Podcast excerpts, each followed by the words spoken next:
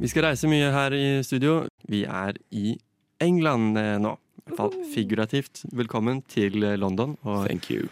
kan dere høre Big Ben i bakgrunnen? Ding dong, oh, ding det- dong. Føles som hjemme, altså. Nemlig. Uh, så her er vi i good old uh, Blighty. Uh, og nå bare later vi som at vi er britiske alminnelige borgere. Og vi kan lese nå i avisen at det er stor medfart og mye polemikk og mye debatt rundt en eh, migrantbølge. Eh, det er nå mange eh, mennesker fra Albania som er på vei, eller har ankommet de, de britiske eh, den britiske kysten, eh, som har eh, satt seg i, i båt fra Frankrike og er på vei til Storbritannia. Storbritannia er jo landet som stemte frem brexit med en eh, liten god eh, margin, og vi kan høre at eh, innvandring er et stort, stort tema i Storbritannia. Så med, uten, uten å få snakke meg altfor mye, tror jeg rett og slett vi skal bare hoppe inn i dette innslaget her om det man kanskje kan kalle albanofobi i Storbritannia. Vi skal høre litt mer. Dette er en fortelling om Europa. Om popsanger, mafiaen, gummibåter og Boris Johnson. Det finnes mange måter å fortelle denne historien på, men eh, bli med meg inn i en taxi, så skal jeg forklare. Mens vi fyker av sted på vei gjennom Londons vinglete venstrekjørte gater, står radioen på halvt volum. Året er 2020, og Dua Lipas låt Don't Start Now ligger på samtlige topplister i hele verden. Og mens jorden tar en smidig runde rundt sola og går en pandemi i møte, så skal Dua Lipa på kort tid bli Storbritannias mestselgende artist. Hennes album Future Nostalgia selges og streames som varme hvetebrød. Dua Lipa er født og oppvokst i London og har britisk pass, men er stolt av sine kosovo-albanske røtter. På midten av 90-tallet, da krigene i Balkan herjet på sitt verste, emigrerte Dua Lipas foreldre til London fra det albanske høylandet i Kosovo. Dua Lipas foreldre ankom et Storbritannia og et London som for dem trolig representerte trygghet, økonomiske muligheter og sosial mobilitet. Da Jugoslavia gikk i oppløsning, ble mange albanere drevet på flukt fra etnisk krigføring og fant sine nye hjem i Storbritannia og Vest-Europa generelt. Den gangen var de fleste nyankomne albanerne fra Kosovo, som foreldrene til Dua Lipa, men i senere år har andelen asylsøkere og migranter fra selve Albania vært høyest. Spoler vi frem ca. 20 år, er situasjonen slik. I parlamentet i Westminster er man på tale om en albansk migrantkrise, en såkalt invasjon. No reason for these people to be here.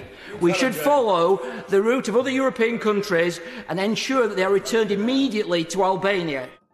Der hørte du James Daly, parlamentariker fra det britiske konservative partiet. Han er bekymret for utviklingen ved Den engelske kanal, som har vært reiseruten for nærmere 12 000 albanere så langt i år. Det skal dreie seg om primært enslige menn på flukt fra gjengvold og ikke minst fattigdom i Albanias nordlige provinser. Og James Daly han får god støtte fra Storbritannias innenriksminister Suella Braverman. I couldn't agree with my honourable friend more. He identifies exactly the problem that we're dealing with, and we, it needs a, a multifaceted approach, and ensuring that we take robust action against uh, many people who are coming here from Albania with illegitimate aims. For å Dua Lipa, det høres ut som Storbritannia did a full 180. Hva er det egentlig som har skjedd? En av Boris Johnsons gjøremål som statsminister var å få på plass en utleveringsavtale til Albania. Den kom på plass i fjor, og har bestått som det gjeldende rammeverket, nå gjennom tre konservative regjeringer i 10 Downing Street. Boris Johnson måtte som kjent gå av, og ble erstattet av Liz Truss. Liz Truss valgte seg Suella Braverman som innenriksminister før hun selv måtte gå av. Den nye statsministeren Rishi Sunak har valgt å beholde Braverman i ministerposten, og den skjerpede retorikken rundt albanerne har bestått. Det konservative partiet begrunner det hele i at denne bølgen med albanske albanere, til forskjell fra Kosovo-flyktningene, ikke reiser til Storbritannia på legitimt eh, grunnlag. At de ikke betaler skatt og jobber svart. Så mener nok ikke verken James Daly eller Suella Braverman at denne beskrivelsen her gjelder alle de 140 000 albanerne som bor i Storbritannia. Riktignok så fremstår denne retorikken ganske streng for mange. I de siste dagene har det vært stor misnøye i det albanske miljøet. Kanskje aller tydeligst i denne kronikkoverskriften fra avisen The Guardian denne uken. We Albanians are just the latest scapegoats for Britain's failing ideological project. Den britisk-albanske Andy Hojai foreleser i juss på University College of London. Han skrev følgende på Twitter. Albanians in the UK are experiencing an alarming rise in hostility and xenophobia. Many people in our community feel targeted by this rhetoric.